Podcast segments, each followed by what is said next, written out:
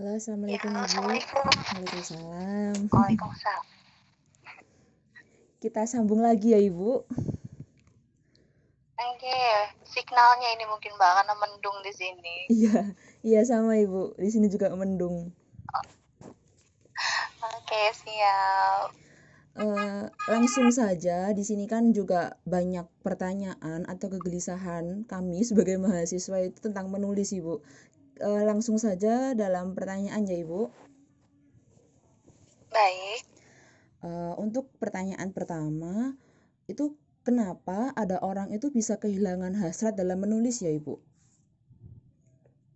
Oke, eh, kembali lagi ya bahwasanya tadi hasrat itu kan adalah sebuah keinginan gitu ya, keinginan yang kuat. Kemudian bisa dikatakan juga hasrat. Kita masuk ke keinginan, eh, ini kita berkaitan dengan motivasi juga. Bicara motivasi, eh, dorongan ada yang dari luar, ada yang dari dalam. Nah, ketika motivasi dari atau motivasi yang dimiliki seseorang dalam menulis itu kan sangat banyak begitu ya.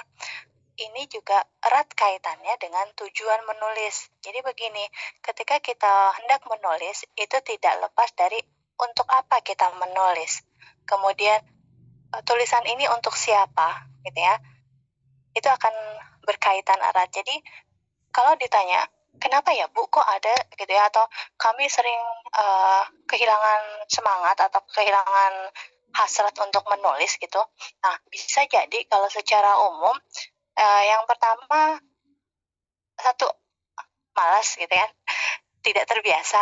Iya. Nah, itu uh, malas dan terbiasa kemudian juga aduh banyak tugas gitu kan. Jadi merasa terbebani. Jadi menulis itu bukan sebuah apa ya kebiasaan bukan sebuah uh, kebutuhan tetapi menjadi sebuah beban. Nah ketika uh, suatu hal menjadi beban itu akan sulit atau akan berat untuk melaksanakannya atau kita melakukan hal itu akan tidak sepenuh hati. Nah bisa jadi juga uh, karena adanya trauma.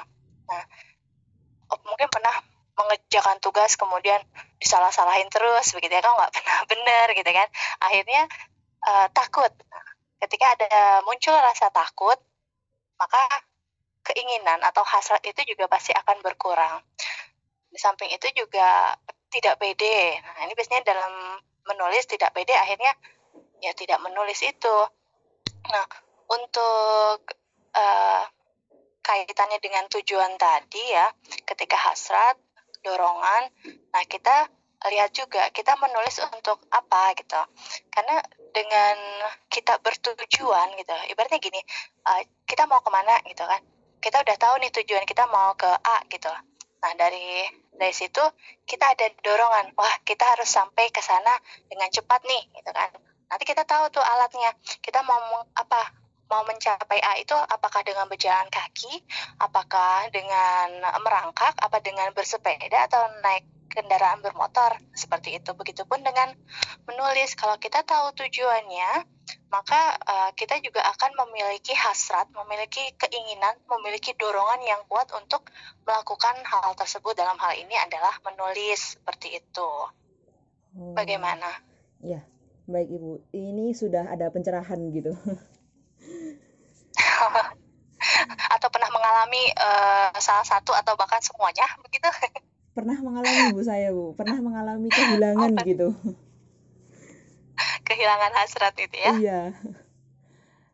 Lalu bu ini ada pertanyaan lagi nih. Tadi kan sudah uh, hmm? kenapa kenapa kok ada orang yang kehilangan hasrat? Nah ini ada yang bagaimana sih caranya itu mengembalikan hasrat tersebut gitu ibu Oke, baiklah. Uh, untuk mengembalikan tadi ya keinginan, hasrat gitu atau dorongan kita untuk menulis, uh, biasanya tadi ya selain kita tahu atau kita sadar bahwasanya uh, tujuan kita menulis itu untuk apa, itu akan menimbulkan semangat tersendiri agar kita kembali menulis. Kemudian uh, yang selanjutnya selain kesadaran itu, uh, kita juga harus menulis dengan atau dari hati begitu jadi menulis itu adalah menjadi passion kita, menjadi uh, memang kebutuhan begitu, rasa butuh untuk menulis. Jadi kesannya kalau tidak menulis itu ada yang kurang gitu di dalam hari-hari kita gitu. Waduh, seperti apa aja gitu ya. Jadi kalau uh, sudah seperti itu maka uh, insya Allah kehilangan hasrat itu tidak mungkin ada gitu. Pasti hasrat itu akan selalu tumbuh kalau sudah merasa bahwasanya menulis itu menjadi sebuah kebutuhan kita. Jadi menulis itu bukan paksaan melainkan uh, sesuatu yang muncul yang ada dorongan dari dalam hati kita gitu. Seperti tadi ibaratnya kita akan kehilangan sesuatu kalau tidak menulis tadi di setiap hari kita. Kemudian uh, karena tadi jangan sampai ada paksaan, berarti kita harus menulis apa yang kita sukai. Ya, kita menulis yang kita sukai gitu ya.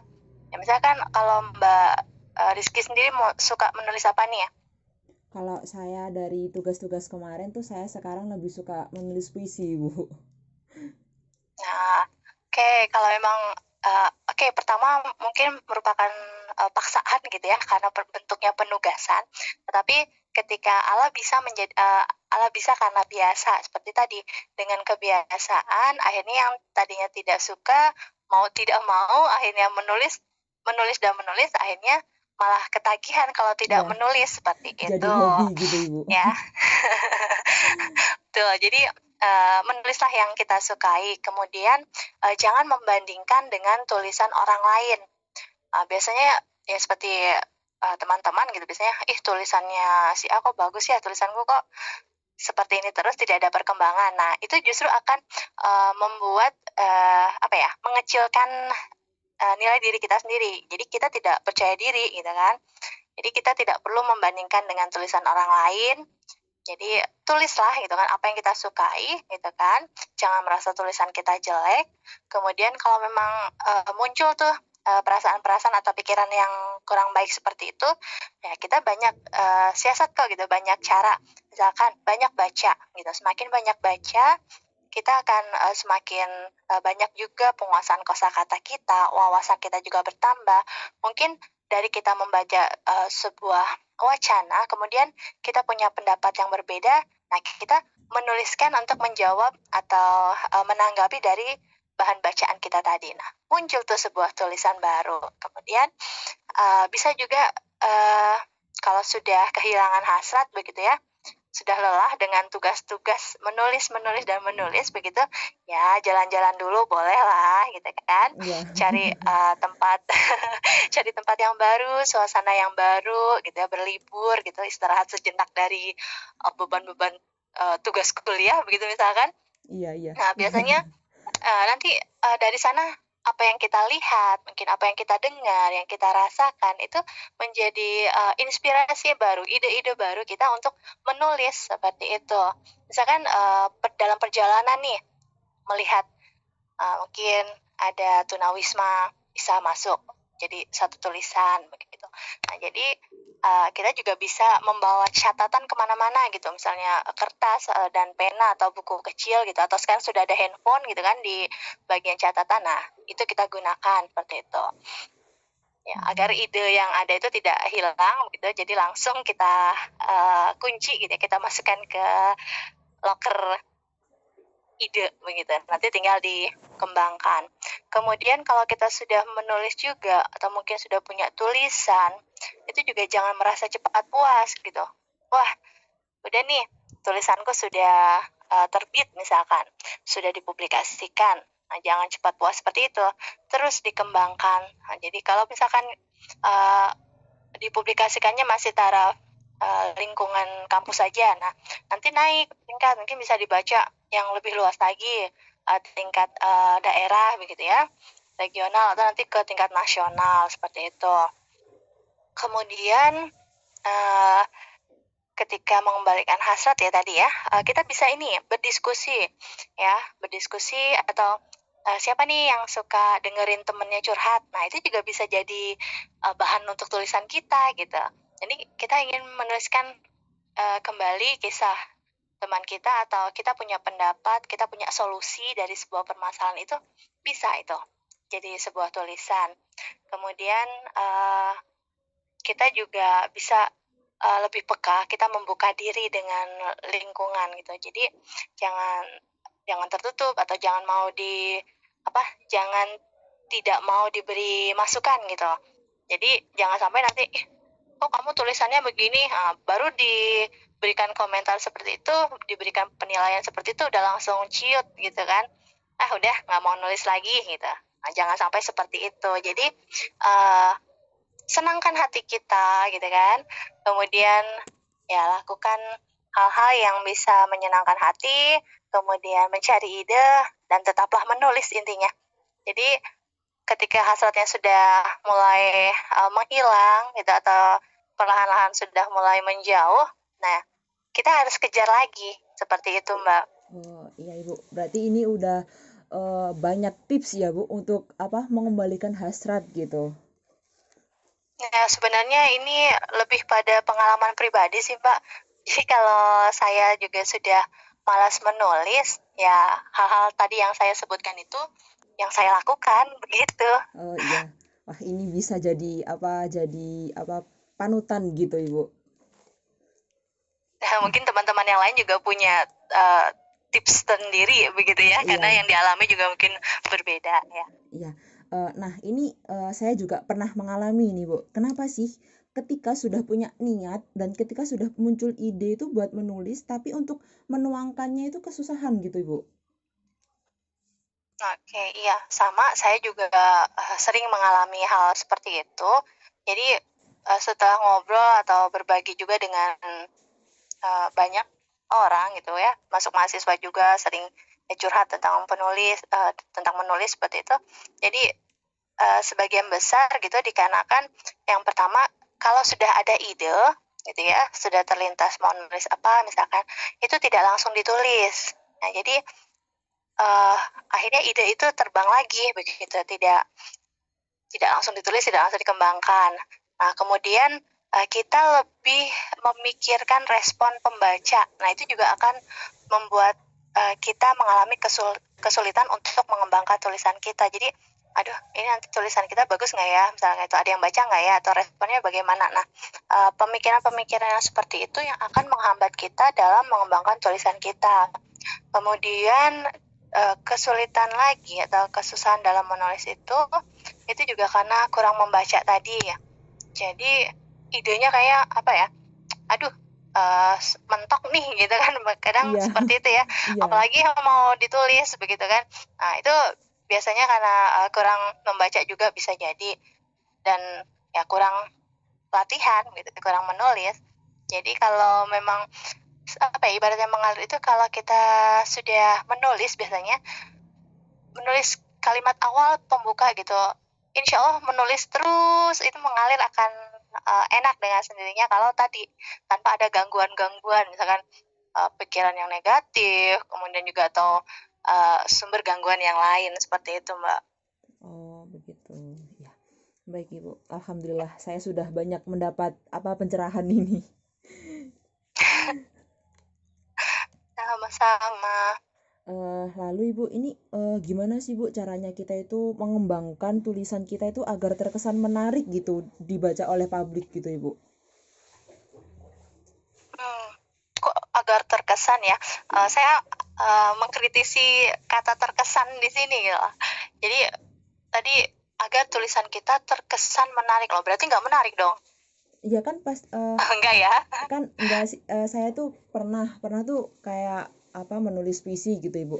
Menulis puisi terus saya itu ya. uh, berpikir gini oh ini bakal bagus nggak ya dibaca sama publik sama teman-teman tuh bagus nggak ya? Masa jelek dari teman-teman yang lain? Gitu ibu. Kan pasti kayak nggak pede gitu ibu. Oh jadi nggak tidak pedenya itu ya. Iya. jadi uh, sebenarnya jangan uh, kalau terkesan itu kan uh, ibaratnya gini seolah-olah jadi gini oh awalnya saja sepertinya baik tapi uh, dalamnya begitu oh alah ternyata begini saja gitu kan ya biasanya seperti itu ya. Iya. Nah jadi uh, nah mungkin lebih apa ya memantapkan diri bahwasanya tulisan kita ini uh, harus yakin bahwa tulisan kita ini adalah menarik menarik untuk dibaca oleh orang banyak untuk publik. Jadi jangan hanya hilangkan kata terkesan itu. Kalau terkesan itu seolah-olah tulisan kita ya kesannya saja yang sepertinya baik akhirnya menarik atau pertanyaannya menjadi uh, langsung bagaimana uh, mengembangkan agar tulisan kita ini menarik dibaca oleh publik. Nah, seperti itu. Tidak ada kata terkesan tadi ya, Mbak. Jadi kalau terkesan itu uh, konotasinya atau nilai rasanya itu kurang kurang baik gitu. Kesannya saja. Jadi kalau saya uh, berharap tulisan uh, semua tulisan itu nanti akan menarik dibaca oleh publik begitu. Nah, bagaimana caranya? Nah, tentu saja kembali lagi di awal tadi ya. Karena apa yang kita tulis ini berkaitan dengan pembaca. Biarkan pembaca yang menilai. Kita tidak usah memusingkan gitu ya. Bagaimana tulisan kita. Yakinlah bahwa tulisan kita itu sudah menarik, tulisan kita itu sudah baik, tulisan kita itu bermanfaat. Nah, jadi ketika uh, tulisan sudah disesuaikan dengan tujuan tulisan, kemudian sasaran siapa pembacanya, nah insya Allah mereka akan tertarik membaca tulisan kita. Ya, misalkan tadi uh, Mbak suka puisi, Mbak menulis tentang puisi, kemudian uh, yang membaca beda-beda. Ya, karena yang saat si A misalnya suka puisi, si B sukanya adalah musik, si C sukanya drama atau film, nanti si D sukanya olahraga. Nah, respon si A, si B, si C, si D ini pasti akan berbeda tentang tulisan Mbak tadi gitu. Si A tentu saja uh, sangat positif begitu ya, karena sama-sama suka puisi. Kemudian si B tadi uh, sukanya musik, ya mungkin uh, cukup positif gitu kan. Nanti misalnya olahraga eh, tidak menyukai puisi ya nanti akan responnya negatif seperti itu. Jadi uh, ketika men, apa ya menyuguhkan sebuah tulisan agar menarik dibaca oleh publik tadi sesuaikan dengan tujuan atau sasaran kita pembaca kita. Kemudian um, tema yang kita angkat itu aktual dan juga uh, bermanfaat ya bagi pembaca kita Kemudian uh, tulislah dari hati begitu. Uh, dalam hal ini misalkan uh, pengalaman juga bisa ya kita berbagi sehingga ketika menulis dari hati nanti yang membaca pun bisa akan merasakan juga gitu. Kemudian gunakan bahasa yang uh, mengalir, yang komunikatif sehingga uh, apa yang kita sampaikan, maksud dari tulisan kita itu bisa dipahami, bisa dimengerti oleh pembaca kita. Seperti itu, Mbak. Oh, berarti kayak kalau misal nih, kalau misal saya itu menulis puisi, berarti kita, uh, saya tuh nggak usah memusingkan komentar pembaca gitu ya, Bu? Iya, betul. Sudah. Pokoknya ini tulisan kita, yakinlah tulisan kita baik, begitu. Menarik. Karena apa nanti responnya pasti akan berbeda-beda gitu. Karena uh, sifatnya juga uh, selain tadi memiliki orang lain juga memiliki hasad uh, yang berbeda juga, pengalaman yang berbeda juga, maka nanti penilaian akan berbeda juga. Oh, baik, baik Ibu. Nah, ini kan ada pertanyaan ini. Ini uh, saya juga merasakan gitu. Uh, teknik menulis kreatif itu seperti apa? Karena banyak dari kami sebagai mahasiswa itu menggunakan diksi yang terpaku hanya itu itu saja, Ibu, gitu. Hmm, Oke, okay uh, kreatif begitu ya. Kalau kita katakan kreatif, berarti ini lebih pada bukan ke penulisan ilmiah gitu bukan ya? Iya. Uh, lebih ke praktis, uh, ke kreatif begitu. Nah ini kita tidak menekankan pada diksi saja gitu mbak. Jadi yang dikatakan kreatif itu kita bisa memulainya dari tema. Ya, kita bisa juga menggunakan gaya berkisah kemudian uh, unsur-unsur kisahnya misalkan ya. Dan uh, juga uh, berikan apa ya kalau kita bilang letupan-letupan atau kejutan-kejutan di dalam tulisan kita. Misalkan uh, pernah menonton FTV lah begitu atau drama. Kan kesannya oh kalau judulnya ini pasti isinya begini ya. Akhirnya uh, udah ketebak begitu kan ya? Iya. Nah kalau yang kalau yang kreatif itu uh, bisa saja uh, judulnya apa, tetapi ternyata uh, endingnya atau akhirnya itu yang tidak dibayangkan sebelumnya oleh si pembaca seperti itu. Itu juga kreatif, gitu. Jadi tidak hanya terpaku pada diksi, gitu. Baik, baik ibu, baik. Dan ini pertanyaan yang terakhir ibu. Nah, dalam apa? Ya. Dalam temanya kan menulis dengan hasrat. Nah, kiat-kiat apa yeah. yang harus dilakukan agar melahirkan tulisan yang bagus dan bermakna, Ibu? Oke, untuk uh, kiat-kiatnya ya, menulis dengan hasrat. Ya tadi, ketika hasrat itu digunakan sebagai alat, maka kita jangan sampai kehilangan hasrat itu sendiri. Kita harus tetap menjaga hasrat itu agar tetap berkobar, gitu. Hasrat itu tetap ada, sehingga kita akan tetap produktif dalam menulis. Nah, apa yang harus kita lakukan agar tulisan kita tadi menjadi bagus dan bermakna? Ya tentu saja kita harus banyak uh, apa ya pengalaman. Jadi pengalaman tentu saja menulis, banyak menghasilkan karya. Kemudian uh, kita juga bisa membaca eh, tulisan-tulisan uh, yang inspiratif sehingga ketika bermakna tadi kita bisa menyuguhkan sesuatu yang bermanfaat bagi pembaca kita. Seperti itu. Jauhkan uh, pikiran-pikiran negatif terkait tulisan kita. Kemudian kita juga uh, tidak usah memodulikan uh, penilaian terhadap tulisan kita begitu ya pada awalnya nanti seiring berjalannya waktu gitu uh, dengan menulis dengan sering menulis gitu kita akan mengetahui gaya penulisan kita kita juga tahu uh, sasaran atau pembaca kita nanti seperti apa ya tambah wawasan buka diri seperti itu aja dan uh, satu lagi kalau pengalaman saya juga untuk tetap menumbuhkan hasrat itu kita harus punya komunitas. Jadi uh, masuklah dalam lingkungan-lingkungan yang uh, menjaga hasrat kita. Kan banyak ya sekarang uh, komunitas untuk uh, kepenulisan seperti itu. Kalau dulu zaman saya itu masih uh, lingkar pena gitu setiap ini. Nah, itu. Kemudian dulu saya juga ikut di Rumah Dunia. Itu juga uh, masuk jadi menjaga hasrat atau keinginan saya untuk tetap menulis begitu, Mbak. Iya, ya Ibu. Alhamdulillah. Uh, mungkin sebelum obrolan ini berakhir, mungkin Ibu berkenan untuk memberi pesan kepada teman-teman mahasiswa untuk tetap bersemangat menulis, Ibu.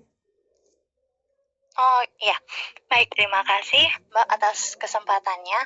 Jadi untuk uh, teman-teman mahasiswa begitu, uh, jangan merasa menulis itu sebagai beban, jadikan menulis itu sebagai kebutuhan. Sehingga apa yang kalian tuliskan menjadi sesuatu yang berkesan dan bermanfaat. Itu saja. Terima kasih, Mbak. Terima kasih, Ibu. Mo mohon maaf mengganggu waktunya, Ibu. Oh, tidak, tidak apa-apa, Mbak. Senang berbagi. Iya, terima kasih Ibu atas waktunya dan terima kasih atas tips dan cara-cara Ibu untuk apa kita itu menumbuhkan semangat lagi untuk menulis, Ibu.